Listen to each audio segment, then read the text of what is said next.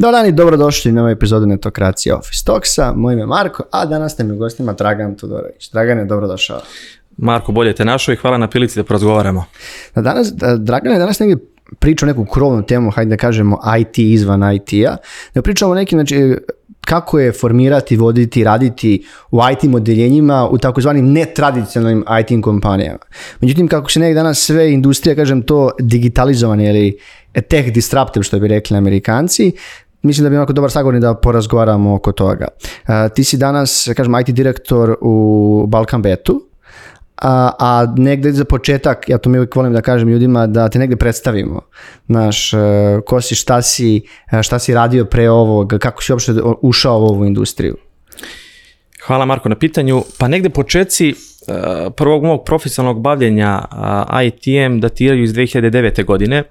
Pa Taj IT još nije bio takav kako ga danas znamo. Tako je, tako je. To su bile radikalne promjene u odnosu u 2009. godinu do danas. Mhm. Ja to negdje vežem za završnu godinu studija, kada je, dobro se sjećam, te 2009. godine lokalna kancelarija Microsoft organizovala jedan program koji se zove Microsoft Akademija. Mhm. To je bio više nedeljni program koji je imao za cilj da upozna studente završnih fakulteta sa tada aktualnim softverskim rješenjima. Konkretno su to bili Microsoft Dynamics CRM i NAV, odnosno Navision kao predstavnik ERP vertikale, što vama kao student u tom trenutku deluje vrlo primamljivo, prijavite se, korisno je, prođete određeni krug razgovora, mhm. selekciju i zajedno se još, koliko se sjećam, 12 ili 13 kolega, mi smo oslušali kompletan taj program, položili sve što se tražilo i u, roku od nedelju dana na, naši CV-evi su se našli kod domaćih partnerskih kompanija mhm. koje su u tom trenutku, a mislim i dan danas implementiraju ista rešenja, uz neke preporuke i mogućnost zapošljenja. Mhm. Nakon toga ovaj, ja se pridružujem kompaniji Extreme u Beogradu na poziciji Air konsultanta junior praktično pozicija na kojoj smo krenuli da učimo i da savladamo te neke osnove do tada samo teorijski, a onda i kroz niz nekih projekata stičete iskustvo i narednih skoro 12, 13, nepunih 13 godina sam uglavnom bio na konsultantskim poslovima od juniorskih do na kraju seniorskih gde kroz desetine projekata koji su bili vezani i za domaći SMB sektor i za enterprise sektor, praktično se savlada sve ono što čini jedan projekat, što čini mhm. realizaciju jednog projekta, prolazeći kroz različite industrije, usvajajući različite metodologije, najbolje prakse i tako dalje. I to je negde po mom mišljenju neka vrsta iskustva koja ima trajnu kategoriju mhm. jer se i dan danas i dan danas to primjenjujem u svakodnevnim aktivnostima i u radu sa svojim članovima tima i tako dalje. samo ću se odnositi, mi generalno na trakraciju koja je sam skoro 160 epizoda, mislim da imamo 4-5 ono hiljada tekstova, na, a mislim da su ti IT konsultanti i uopšte neko se bavi tom implementacijom proizvoda oblast koju smo definitivno najmanje pokrivali negde, znači ono kao negde, e, e, imamo da e, ne dobijaju pažnje ljudi koji se bave tim poslom, ne bi dovoljno medijske ili ovdje neke pažnje odnosno, kažem, klasičnog nekog IT-evca programera koji je tu. slažem se, jeste, zato što iz razloga što dominantna negde, dominantne negde teme u IT industriji se uvek okreću oko programiranja, mhm. oko razvoja. Sa druge strane, vi kada radite na poziciji IT konsultanta, vi ste neko ko se nalazi između biznis korisnika i poslovnih procesa sa jedne strane i sve one tehnologije u koju ste negde inicijalno i odabrali kao svoj poziv, kao svoje zanimanje sa, sa, druge strane, naravno sa ciljem da negde primjenom tih informacionih rješenja vi rešite neki poslovni problem, unapredite procese, optimizujete, automatizujete i tako dalje. I e, posao konsultanta je jedan posao gdje vi zaista možete da savladate sve faze jednog softverskog projekta, od analize zahteva korisnika, dobrog razumevanja šta je tu potrebno, mhm, tako je kreirati, dobrog specificiranja i dokumentovanja tih zahteva, odabira tehnologije koju ćete primijeniti, a svi znamo da je tu e, veliki portfolio vendora znamo kakvi klijenti mogu da budu. Tako je. Gdje svako traži custom rješenje, već neko custom rješenja. Tako je. I gdje vi prosto uh, morate i da branite scope projekta, ali da imate uh, negdje uh, i, da, i, da, budete otvoreni i za change requestove koji prosto mhm. dolaze kao posljedica promjena u poslovnom okruženju ili u poslovanju te konkretno kompanije, do onih faza gdje vi morate da primenite neku tehnologiju, bilo u formi implementacije, integracije, razvoja, uh, obuke, do na kraju pružanja podrške za neku go u live fazu i, i, početka produkcije toga što ste radili, gde praktično je to prvi negde... Možda ispratiš proizvod produkcije je, strane. To je negde prvi trenutak kada vi vidite rezultat svog rada, koji nekada može da bude više mesečni, nekada može da bude više godišnji, ali to je onda na, na kraju i neka vrsta satisfakcije koju kao konsultant imate kada vidite da se to primenjuje i da je negde u tom e, e, kompanije pomoglo. konsultant, ne nužno ti, nego generalno neko moraš da uh, e, nauči tehnologiju u koju, kažem, dalje implementiraš, pogotovo sa tehničke strane. To je po meni ključna stvar jer, jer daje neku osnovu iz koje mi onda posle na bazi iskustva i projekata koje realizujete, možete da predložite adekvatno rešenje. Jer vi prosto, ako pokušate nešto da rešite implementacijom nekog softvera, a kompanije softver primarno kupuju da bi rešili neku bol koju mhm. imaju, da bi rešili neki problem, vidite kako morate da poznate šta ta tehnologija može da, da odradi za potrebe te kompanije. Na bazi tog poznavanja i na bazi nekog vašeg iskustva i dobre analize vi onda možete da izađete sa konkretnim rešenjem. Ukoliko to izostane, ukoliko negde preskočite razvoj te vrste ekspertize, to će ići mnogo, mnogo ovaj teže. Onda se negde oslanjate i na neke spone saradnike, koji mhm. opet su nosioci tih ekspertiza koji će negdje da pomognu vama, a vi radite samo onda jedan manji deo projekta koji nije toliko da. možda ni, ni, e, vezan za onaj izvorni IT koji negdje konsultantu ipak pripada. Da, da. Da, dosta, dosta dobro objasnio, kažem ti, baš nekako ali mi lično nismo pokrivali, a i naše partnerske kompanije lično nikad oni, e kao, ne, hajde da promovišemo neke ljudi koji se bavi IT konsultantom, uvijek je neko, e, hajde nekog naš ovaj, e, programera, mada opet trenutno Tanja tržište je bilo tako, da ti se da, bude jasno, da, su, da. treba, nam mnogo, treba mnogo programera, inženjera i vjerojatno su i dome dali prednost. Poslije 12 godina uh, prolaziš u Balkan Bet, gdje si na poziciji uh, IT direktora. Kako je došao do toga? Mislim, 12 godina je baš dosta u jednoj kompaniji. da neko jeste. u današnjim uslovima ostane 12 godina u kompaniji. To je zaista uspeh, moram da kažem. Tako je, ovaj, razlog to nekog e, dužeg zadržavanja na, na, u istoj kompaniji, ali nekako na različitim radnim mestima mhm. i na, na e, različitim projektima, jeste što vi e, svo to vreme uspevate da negde rastete i razvijate se. Mhm. Nekada nakon 12-13 godina to kontinuiranog rada, sigurno da u svima nama se uh, rodi neka potreba i za određenom vrstom promene. da, da, mislim, hoćete se prekidam, ali koliko god volao svoj posao, radio nekom, uvijek nekad dođeš neki plafon gdje jednostavno možeš da naučiš nešto novo. Tako Da radiš nešto novo. Znači, ne možeš ni ono 100 godina da radiš jednu operaciju ok, hajde radim nešto novo. Tako je, vi kad ste generalno, kada, kada krećete kao junior, u tim prvim godinama imate ogromnu ambiciju, želju da se dokažete, da dosta toga naučite i tako dalje. Nakon toga kada dođete do, do, do, do nekih seniorskih pozicija, tu će imate ogromno akumulirano znanje koje želite što pre da plasirate na tržište, da komercijalizujete, mhm. da oprobate se možda nekim drugim vodama, što da ne i nekoj drugoj vrsti industrija. Jer generalno IT firme Uh, osim ukoliko ne uh, razvijaju neki sobstveni proizvod, mhm. ukoliko rade na implementaciji enterprise rešenja od, od poznatih velikih svjetskih vendora bave se opet rešanjem problema i implementacijom u nekoj konkretnoj industriji. Mhm. I to je nešto što sam ja bio dobro savladao tokom tog nekog prvog perioda razvoja karijere, tako da je bilo samo pitanje vremena da li mhm. će to u ovom slučaju biti betting i gambling industrija ili nešto drugo. Da. Znači, sad si tu u Balkan tu, hajde malo IT direktor jedne betting kompanije. Šta, kako izgleda neki tvoj radni dan? Čime se tačno baviš, da kažem?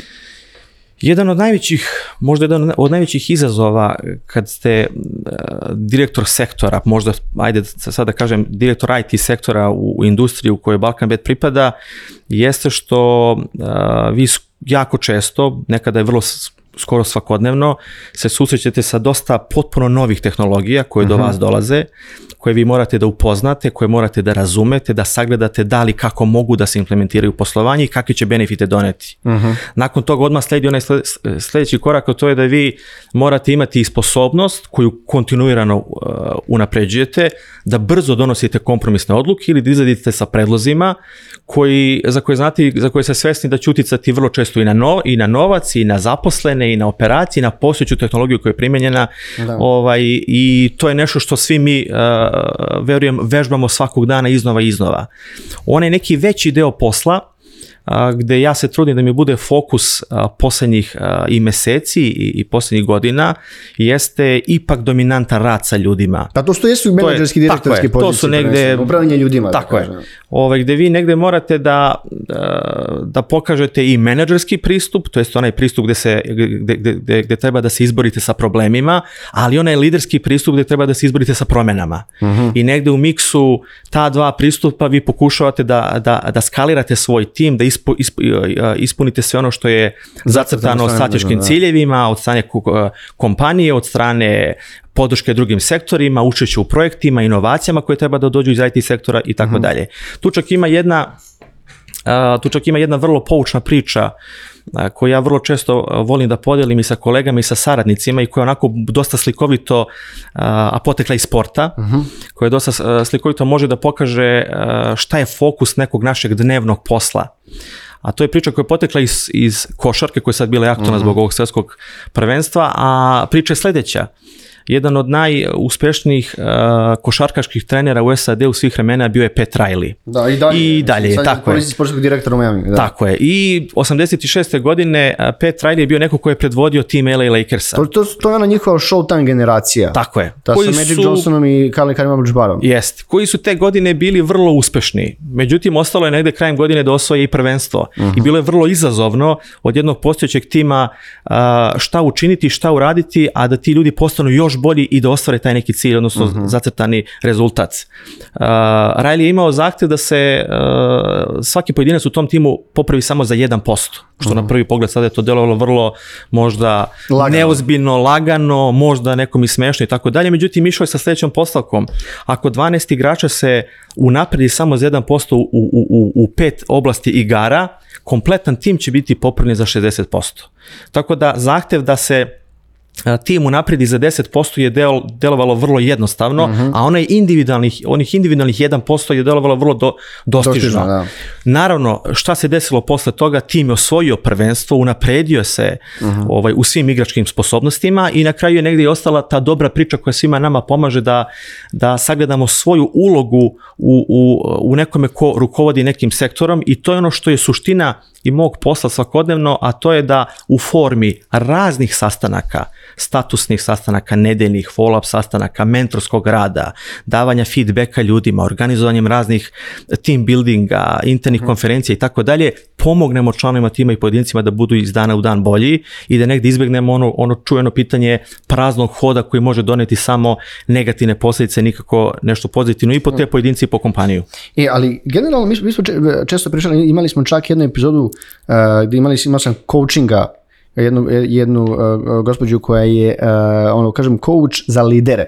Tačnije radi sa ljudima koji su iz seniorskih tech pozicija prelazi u liderske menadžerske sposobnosti, jer je to na prvu, sad si pomenuo na prvu to lako, ali vrlo često zna bude opterećajući, jer ti moraš da naučiš da brineš o ljudima i da vodiš te ljude. Koliko je te bilo generalno izazovno? Znači, ulaziš kao kad si senior specijalista u nečemu, ti si ono već super u svom poslu, rešavaš procese sam slično, a sad si pomenuo, e, e, moram da vodim ljude, to ti je jedan deo od posla. Koliko je i drugačije? Mnogo. Iz prostog razloga što vi kada prelazite s jedne IT ekspertske pozicije na poziciju team lidera ili mhm. menadžera sektora ili direktora sektora, suštinski na neku poziciju koja se bavi organizacijom rada neke grupe ljudi, Glavna promjena jeste što od IT specijaliste za nešto, za jednu, uh dve ili tri tehnologije, vi postajete generalista za mnogo toga. Mhm. I u nekom trenutku počnete da se bavite organizacijom projekata, obezbeđivanjem resursa, mentorisanjem ljudi, godišnjim odmorima, platama, budžetiranjem i tako dalje. I to je zaista jedan proces koji deluje kao neka lična tranzicija sa jedne pozicije na drugu, u, kojoj, mhm. u okviru koje vi morate i vrlo brzo da savladate niz tehnika i veština da bi taj posao mogli dobavljati jako dobro. Možda jedna od najvažnijih lekcija e, kroz, kroz koju svi prolazimo u takvoj vrsti promjene koja je negde i osnovna mhm. u, nekom liderskom e, usavršavanju jeste delegiranje. Mhm. Delegiranje je možda osnovna stvar sa kojom se prvo susretnete, ali ne u onoj formi nekakve bazične definicije delegiranja gdje vi određeni posao ili projekat poveravate pojedincu ili timu koji to treba da realizuje i koji prihvata tu obavezu i mhm. treba posao da završi, nego upravo u delu onih zamki koje vam negde pogrešno delegiranje ili neefikasno delegiranje može doneti. Mhm. I tu sam ja i, i negdje kroz svoju praksu imao priliku da vidim i neke loše prakse i neka negativna mhm. iskustva i lična i naravno drugih ljudi koji, uvijek nastojite da, da, da ispravite i da to bude zaista efektivno na kraju celog procesa. Jedna od tih stvari jeste činjenica da, mi negdje moramo da budemo svesni da mi ne delegiramo nekom bilo šta zato što da smo nekom šef ili nadređeni primarno, uh zato što ukoliko ne delegiramo mi ograničavamo praktično rast i razvoj kompanije na sobstvene mogućnosti i kapacitete, a to je mhm. utakmica koju dugoročno ne možemo da dobijemo. Da, to je stvarno rečeno, To je, e, ali istovremeno sam taj proces implicira da vi u nekom vremenskom periodu zadržavate nadležnost i kontrolu. uh Vi ste mhm. nešto delegirali i dogovorili, ali vi u nekom vremenskom periodu morate da nađete način da ispratite da li to ide kako bi trebalo da, da, da, da funkcioniše. funkcioniše da. Tako je. Da li, će, da li će ti ciljevi biti ostvareni, da li se taj plan prosto, da li ima neki očekivani progres. I uvijek se trudite da u radu sa ljudima održavate tu konstantnu ravnotežu između nenametljivosti i podrške koju treba da im pružite. Da to nije, to, to nije jednostavno. Nekad možda budeš, aha, oni imaju kao, aha, previše, ono, previše i forsiraš, a nekad je opet ne treba ni da bude ono rasulo organizaciji, mora se zna ko šta radi, na koliko se i u kom trenutku i kad projekti treba budu završeni. Tako je, tako je. To je, to je jedna win-win situacija u kojoj mi moramo da percipiramo potrebe svakog pojedinca, tima kao celine, mhm. sektora kao celine, ali sa druge strane a, posao mora da bude obavljen. Da, upravo Samo da sada da negde zajedno nađemo način kako to možemo da odradimo. Svi smo mi svjesni da u jednom osmočasovnom radnom vremenu nemamo svi isti nivo ni koncentracije, ni energije, ni fokusa na neki zadatak i to prosto ne možemo očekivati da svako od nas 100% bude negdje negde posvećen svaki dan u svakom smislu. Mhm. Međutim, opet negde izazov je naći modalitet kako, kako da i tim funkcioniše i da sektor funkcioniše funkcioniš i da posao bude obavljen u celosti. Da, s jedne strane to, to, to vodiš, vodiš ceo tim i briniš njima, s druge strane treba da brineš i da li su rezultati koje je management zacrtao ispunjeni. Tako da imaš mnogo više stakeholdera koji moraš, da kažem, da hendlaš u svakom slučaju. Tako je. Tako je. E, e, još jedno pitanje, e, pričamo o, o, o sektoru koji ti vodiš, Šta generalno radi jedan IT sektor? Kad gledaš, sektor, znači one neke dnevne operacije, kao, kad bi neko objasnio, aha, ja sam IT direktor u, u, Balkan Vetnom, aha, šta tačno taj IT sektor radi? I, i, i ono, kako se ga organizovao, koliko ljudi, da li ima neke specifične pozicije koje moraš, moraš zapošljavaš, da su baš specifične za vašu industriju? imamo svakako. A, specifičnost industrije jeste što vi i u IT-u morate da imate određeno domensko znanje. Aha, to je znači, dobro, e, jasno. Ja, ja tu negdje vjerujem da e, sve kompanije imaju negdje potrebu da IT ima neko opšte zajedničko znanje, bilo da smo mi u ovoj ili nekoj drugoj industriji, ali opet imate pa neko, ulazno znanje, tako, neko ulazno znanje, vi ste prosto IT-evac, nosio ste nekih kompetencija koje ste stekli kroz obrazovanje, kroz kurseve, kroz, kroz edukaciju, iskustvo, sve jedno, ali opet kad dođete u neku industriju, vi imate neku, neki nivo uh, domenskog znanja koji je toj industriji potreban. Jedan svi IT poslovi i sve IT aktivnosti u Balkan Betu su organizovane tako da na osnovu neke pre dve godine analize koju smo mi obavili interno, kor neke kompetencije mhm. koje su nam bitne smo zadržali u okviru Balkan Beta, naravno u okviru IT sektora i timova koji su tu kreirani. Uh Deo tih poslova svakako imamo i grupu eksternih kompanija i saradnika koji su opet nosioci nekih ekspertiza koji nama trebaju, gdje povremeno ovaj zahteve outsourcujemo i negdje mhm. u simbiozi ovaj između naših timova i naših internih procesa i eksternih kompanija mi ostvarujemo sve ono što se od IT-a očekuje. Sama struktura internog IT sektora je timska, imamo i manje i veće timove, ali u, u pogledu konkretnih pozicija, pre svega imamo tim koji se bavi razvojem. Mm-hmm. Da li to bi ono, klasičan R&D koji si pomenuo malo pre ili... Ima i toga, i tekako, ima i, toga, zato što uvek u tom razvoju mi moramo da probamo da odemo korak dalje, da mhm. percipiramo negde i zahteve igrača i neke tehnološke trendove i da to inkorporiramo ono što, što trenutno radimo. I tim za razvoj je tim koji se kod nas primarno i dominantno bavi web razvojem, aplikativnim razvojem, razvojem web servisa koji negde postoji sastavni deo mhm. produkcije koji mi već imamo, raznim razvojima na, na nivou baza podataka koji mm poslije budu sastavni deo i management sistema koji imamo i u kazinu i na online i, i, ovaj, i tako dalje. Uh, imamo tim koji se bavi IT terenskom podrškom Pošto, Aha. Bet ima veliki retail lanac i brzina našeg reagovanja je tu jako presudna, imamo čak i neke interne SLA mhm. ovaj, standarde koje moramo da ispoštujemo i generalno imamo i tu neku regionalnu ovaj, eh, kada je retail eh, kanal u pitanju koju i mi iz IT-a pratimo. A čekaj, regionalno, tim. je, je, li eh, kompanija postoji u zemljama osim u Srbiji? A, trenutno samo u Srbiji, ali i u okviru Srbije smo podeljeni regionalno, pa imate Aha, region okay. sever, region mhm. jug, region Beograda i tako dalje. Po tom istom nekom principu i drugi sektori i konkretno IT organizuje i svoje mhm. timove. Imamo, imamo tim koji se bavi mrežnom administracijom i cyber securityjem jer uzmite u obzir da mi imamo preko 3000 mrežnih uređaja koji moraju da budu 24 časa operativni i koji pokriću kompletan biznis. Tako da je to ekipa kolega koja se brine da u kontinuitetu sve funkcioniše i da brzo odreaguje i kao i sve druge kompanije koje negdje imaju dodira sa, sa globalnom internet mrežom i mi smo izloženi kontinuiranim napadima. mm Pokušaj raznih malicioznih pretnji, phishinga, dobijanja mailova i tako dalje, nešto čim se mi borimo svakodnevno i to je tim koji uvijek gleda da inovira i po pitanju alata i po pitanju internih testova da mi ne bi zapali u neki problem koji prosto niko od nas ne bi želeo. Da, slažem se. Nezobilazan nezaobilazan tim također jeste i tim za upravljanje IT projektima jer najveći broj projekata... Da, to je više nego sam, kad si krenuo da mnogo više nego sam mislio da ćeš da, da i da, da je imao jednoj takvoj kompaniji? Pa da, mi, e, mi smo negde, e, trenutno brojimo 18 ljudi koji da. su podeni po tim timovima, tako da imamo i negde i manje i veće timove. To je dosta ljudi, je dosta veći nego neke, neke domaće IT kompanije i startupi, to je mnogo veći tim nego neke bukvalno kompanije koje znamo. Jeste, jeste, slažem se, ali je i potreba takva. Potreba prosto poslovnih operacija i da vi negde možete da interno razvijate kompetencije tih ljudi i da oni preuzimaju odgovornosti i zaduženje za taj deo IT-a i da i neki stvari prosto ne možete da outsourcujete. Tako da smo to negde zaokružili i sa, i sa, i sa timom za upravljanje IT projektima, jer su nama 90% zahteva su negde projekti koje mi moramo da odradimo. Najkraći projekat je više nedeljni, obično su više mesečni i IT sektor negde u Balkan Betu godišnje uradi između 25 i 30 projekata. Da, da projekte i pogotovo IT sektor, to su sve većinom digitalni projekti. Tako. Ili radite neki ono offline stvari. Imamo i offline.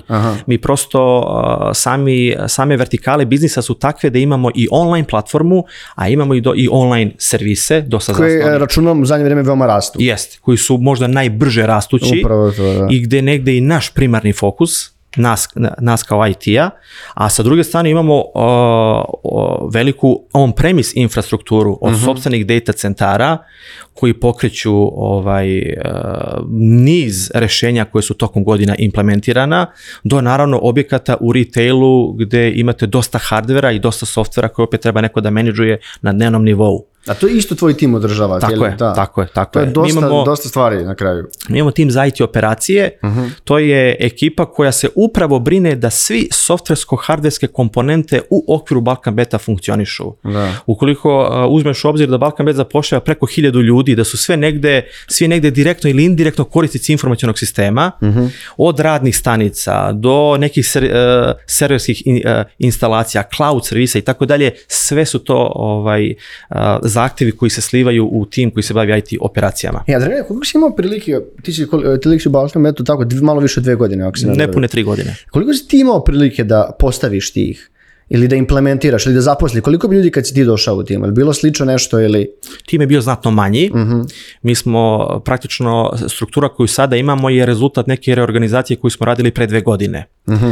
Tada su ti, ti timovi formirani, tada smo negde i postojeću ekipu IT u razgovoru sa njima i negde kreirajući planove njihovog razvoja podelili u ovaj timove shodno njihovim afinitetima i željom čime da se bave.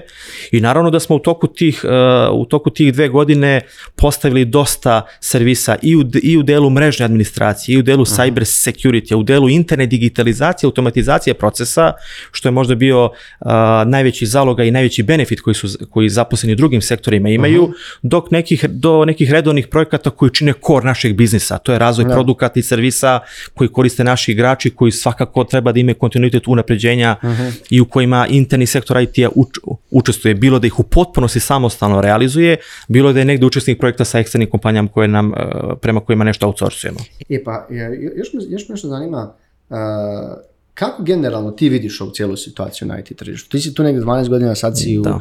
I mi volim pričamo o tome, jer smo mi tech mediji, često komentarišemo, imali smo i posljednji epizod IT odgazima. nije, zaista je bilo jako teško, nije donekle čak i bilo realno, taj rast koji smo imali iz godine u godinu, koji je bio praćen rastom plata, zahteva i slično, to vrlo često nije pratilo razvoj biznisa. Znaš ono, generalno koliko si zaradio, koliko slično. onda si imao situaciju da je, a, a veliki broj, a, a veliki broj mladi, malih juniora, malo možda i kvalitetnih seniora. I došlo je do toga po meni, ono što ja kako vidim, da je došlo do negdje stabilizacije tržišta. Ili se vraćamo, ili, je korona utjecala da je to sve eksponencijalno poraslo bez pravih osnova možda.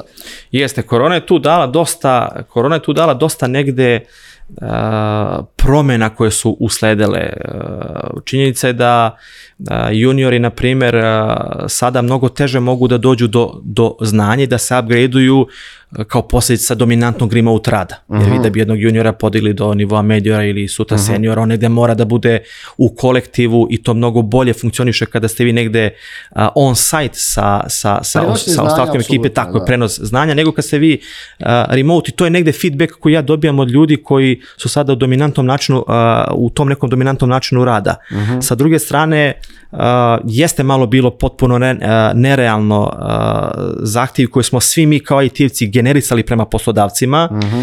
jer onog trenutka kada zbog korone ili uh financijskih problema, globalnih, svjetskih, potpuno svejedno malo se uspore zahtjevi prema razvoju, vi onda prosto imate ljude na benžu koji ne mogu da ostvare i svoj interes, interes kompanije i to na kraju naravno da, će doći i do, i mm, do negativnih posljedica. na, na benču čisto da bi ono kao uleteći neki projekat ti sedi tu čisto da te ne mora pa da te zapošljavam. Da i negde se to desilo, negde nije. To je neefikasno poslovanje, htjeli mi da kažemo ili ne.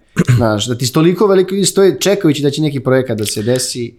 Tako, ono, ono što sam primetio jeste da su, da su cijeloj toj priči možda malo bolje prošle kompanije koje su imale razvoj sopstvenog proizvoda koji je negdje imao i konzumaciju na tržištu, koji su imali stabilne klijente koji zaista to što naprave i koriste. Mhm. One kompanije koje negdje uh, imaju poslovni model da žive upravo od rada na nekim projektima ad hoc kad do njih dođu, bez da je to konkretno neki proizvod koji oni dođu od početka do kraja, onda su oni naravno imali mnogo veći problem. Kad je u pitanju naša industrija, uh, nekako, nekako nas je taj tip problema zaobišao jer prosto betting i gaming nije klasična IT industrija i nisu IT produkti ono što je pokretač tog biznisa, već su više negde podrška celom tom biznisu, tako da nismo imali tu vrstu problema ili da ne kažem još potrebe da mi otpuštamo kadrove, baš mhm. naprotiv više, više imamo i, i, u toku korone koja je negde dovela do te tehničke disruptivnosti. Ja sam, baš stavio naravno pitanje, je li poguralo još više betting i gambling? Apsolutno, apsolutno, jer prvo vi imate, korona je kod velikog broja broja ljudi, prvo veliki broj ljudi je natrala da promene svoje životne navike seleći se na online. Da bi, da bi ostvarili dosta svojih aktivnosti. Pa su čak i taj centar zabave prebacili na online. A sa druge strane, korona je toliko dugo trajala da su ljudi promenili svoje navike.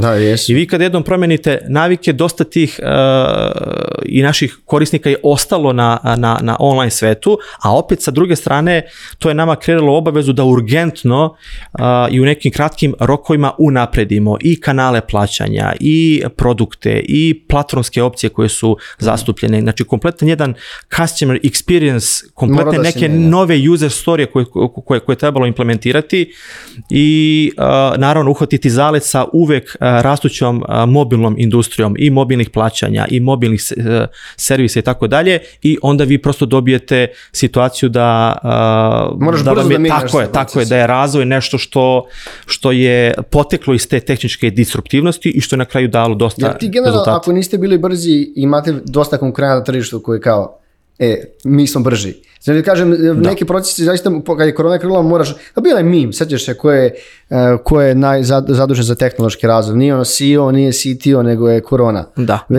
Jednostavno su se svi preko noći morali da se digitalizuju. E, pošto je radimo digitalizaciju, online je porastao, e, koliko je danas, ako gledaš procentualno, ajde kažemo, prije par godina fokus na online razvoj digitalnih proizvoda kod vas, pre nego što je bio pre.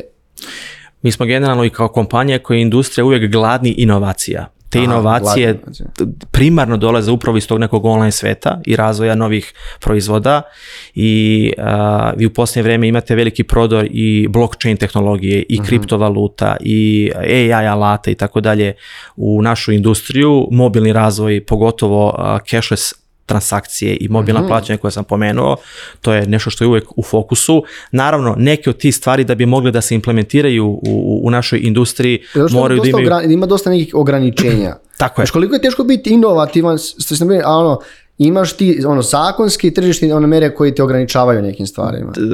Ono što je specifično za, za našu industriju jeste što je visoko regulisana i mhm. visoko kontrolisana i da e, prosto, naravno, zakonska regulativa ne prati toliko brzo tehnološke inovacije i to je uvek tako bilo i mi negde tu prosto nemamo priliku da neke stvari koje bi sada e, hteli da ubacimo e, u naše proizvode implementiramo tako brzo. Prosto moramo da sačekamo i da se saglasimo kada, kada, kada dođe mhm. vreme da to možemo da uradimo. Ono što sada možemo jeste da pripremimo sve za period kada to možemo da realno pustimo u produkciju. Mhm. Tako da svi, sve negde nove tehnologije koje se pojave one dolaze do naše industrije, bivaju ponuđene od strane kompanija koje već su negde razvile ekspertizu bavljenja tim ovim ovaj, stvarima i mi svakako sagledavamo šta od toga možemo da, možemo da, da implementiramo. To su naravno i novi načini autentifikacije korisnika, to su nove opcije na našim redovnim produktima, to su nove uplatne metode, isplatne metode, to je unapređenje generalno user experience na bilo kom kanalu ovaj, s kojim imamo komunikaciju sa našim igračima, bilo da je online, bilo da je retail. A pomenuo si par puta i to korisničko iskustvo i ovaj, koliko je bitno ono, menjati sam dizajn, iz koliko ste puta mijenjali taj proces, poslije vidim da si ga često puta pomenuo, vjerojatno zbog nekih ono feedbacka koje dobijate od samih igrača. Tako je, pa um, znaš i sam kako raste nivo Eh, kako, kako IT napreduje, tako i nivo abstraktnosti raste. i da. I prosto igrači negde i korisnici generalno bilo koje platforme žele što brže, što kraće, što, funkcionalnije i što lepše. To je naš jako lepo da izgleda. I to su negde zahtevi koji su postavljeni i pred sve nas koji se time bavimo. Ako nešto možete da realizujete u tri klika, zašto bi to radili u šest klikova? Mhm. Ako nešto može da vam bude brže dostupno na mobilnoj aplikaciji, vi to morate da omogućite. Uh, one click pristup je nešto što je dominantno i nešto što mi u budućem periodu i kako planiramo da forsiramo kada su kada je u pitanju na primjer mobilne ovaj aplikacije upravo na osnovu niza obavljenih istraživanja i analiza i internih i, e, i e, uz pomoć nekih e, eksternih agencija gdje smo došli do zaključaka, zaključaka šta je to što mi moramo da unapredimo, mhm. šta je to što bi nama donijelo određenu konkurentsku prednost, šta je to što bi unaprijedilo konkretno mobilnu aplikaciju Balkan Beta ili, ili web kanal Balkan Beta ili određene retail proizvode i to je ono što, e, to su čak e, aktivnosti koje želimo i interno da, da razvijamo kao neke naše interne kompetencije i da to dugoročno uzmemo kao jedan trek koji, mhm. moramo da realizujemo e, jako brzo i, i, i poprilično hitno da bi negde nastavili neki zacetani rast i razvoj koji imamo. Dragane, danas ti imaš priliku da vodiš uh, ceo sektor o kojem smo pričali. Uh, šta po tebi može činiti tu neku kvalitetsku, timsku strukturu, e, timsku kulturu? En uh, vrlo često u razgovoru, znaš, postoje nema te kultura cele kompanije, kultura tima, ali ti ti kao opet direktor sektora imaš priliku da ono radiš sa kolegama i da sami krete tu timsku kulturu pitanje timske kulture je sigurno i za mene i za druge kolege možda najvažnije mhm. i uvek aktualno pitanje. Iz prostog razloga što mi kada pričamo o timskoj kulturi pričamo o zaposlenima u jednoj kompaniji, u jednom sektoru, po meni jednom vrlo važnom kapitalu i resursu koji kompanija ima, od čijeg kvaliteta i zadovoljstva zavisi sav onaj kvalitet i kvantitet koji će izaći. Tako mhm. i u slučaju i u, i u slučaju IT-a ili konkretno IT sektora u Balkan Betu. Uh, generalno kada pričamo o bilo kojim timovima, ja uvijek tu krećem od, od, jednog osnovnog gradinog elementa svakog tima, a to je pripadnost timu. Mhm. Znači razvoj te pripadnosti timu je osnov da bi neki pojedinac mogao da razume timsku kulturu ili da je usvoji. Mhm. Ako ja ne osjećam pripadnost nekom timu, to će biti jako teško, jako komplikovano. Da, to je I ta pripadnost, e, ona ne može i ne smije da bude zasnovana na postavci da ja kao poslodavac tebi dajem određenu količinu novca za tvoje utrošeno vreme. Mhm. Ako to ostane na nivou te bazične transakcije, e, nikada nećemo doći ni do kakvog poboljšanja, ni do kakve proaktivnosti koja je obema stanama jako važna. Znači, kompaniji je jako važno da e, kroz rad sa svakim pojedincem koji negde i uživa u primjeni timske kulture u koju je došao, koju je negde prihvatio, dobija onih 110%, dobija mhm. neki ekstra mile, dobija neku proaktivnost, sa druge strane kompanija dobija onda mnogo veći kvalitet koji svakako treba na adekvatan način da kompenzuje. Mhm. I vrlo često sam imao priliku da i na razgovorima za posao, i na neformalnim razgovorima jedan na jedan ili na nekim diskusijama na, na konferencijama ljudima postavljam pitanja šta je tebi najvažnije na radnom mestu i neki uprosečan odgovor koji, koji sam dobio jesu tri stvari. To mhm. su posao koji radim, to je ljudi sa kojima radim i plata. I to su zaista te tri komponente koje čini mi se ukoliko uspemo negde da postavimo na način da obostano su prihvatljive, stvaramo izvestnije eh, mhm. prilike da se ti ljudi u našem sektoru kompaniji zadrže mnogo duže. Da. Čak te tri stvari vrlo često mogu da kompenzuju jedna, jedna ovaj, mhm. eh, drugu. To je ona priča da priča eh, šta je važno junioru, šta je važno senioru. tako, je, tako je.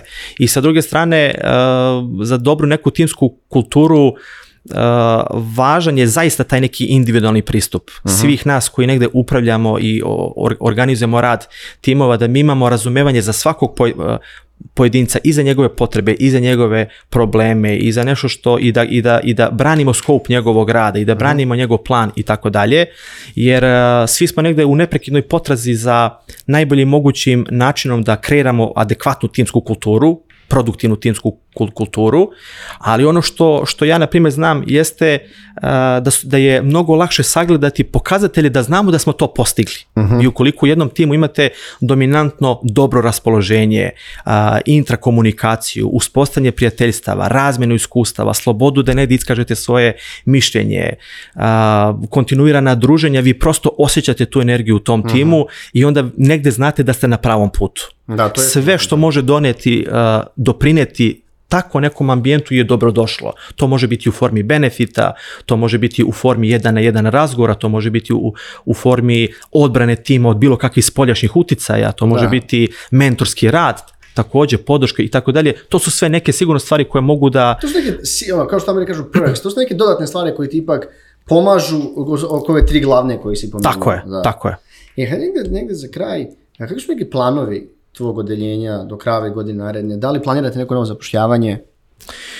Svakako, mi negde u zadnje dve godine imamo u kontinuitetu ekspanziju tima, mhm. širenje, e, širenje e, timova kroz, kroz nove kolege koji nam dolaze. E, jedan od planova jeste da se malo detaljnije i mnogo zbiljnije pozabavimo danas pomenutom data, -huh. Mhm. data analizom, tako iz razloga što e, mi dosta podataka generišemo i dosta skladištimo kao posljedicu svakodnevnog poslovanja. Mhm. I negdje na nama jeste ideja da pored redovnih izveštaja koji su naravno uvijek prisutni, koji se svakodnevno koriste, da to mnogo naprednije stavimo u funkciju poslovnog odlučivanja i donošenja nekih zaključaka. Mhm. Tako da to je jedan pravac u kom ćemo, u kom ćemo svakako ići ovaj, i kroz formiranje tima i kroz, i kroz ovaj, e, određene nabavku e, softvera i nekih već uhodanih mhm. ovaj, metodologija e, koje nam mogu pomoći da dođemo do tog, do, do tog cilja. Sa druge strane, danas smo više puta pomenuli mobilni razvoj. Mobilni mhm. razvoj je nešto što nam je fokus u, i do kraja ove godine i do kraja sljedeće godine, tako da u te neke, neke dve velike oblasti su dobrodošli došli svi oni koji mogu da ovaj, svojim iskustvom, prethodnim radom doprinesu da mi to odradimo što je kvalitetnije moguće. Dragane, hvala ti tebi, ja sam isto uživao ovaj, u epizodi, hvala što si podelio, svoje misli sa nama. Hvala i tebi Marko. Eh, hvala i svima koji su ostali do kraja epizode. Netokracija Office Talks možete pratiti u video formatu na YouTube-u, a na audio, audio formatu možete pratiti nas na svim, kažem, većim i poznatijim streaming platformama poput Spotify-a, Deezera, Apple podcasta, Google podcasta i mnogi drugih. Hvala još jednom. Hvala.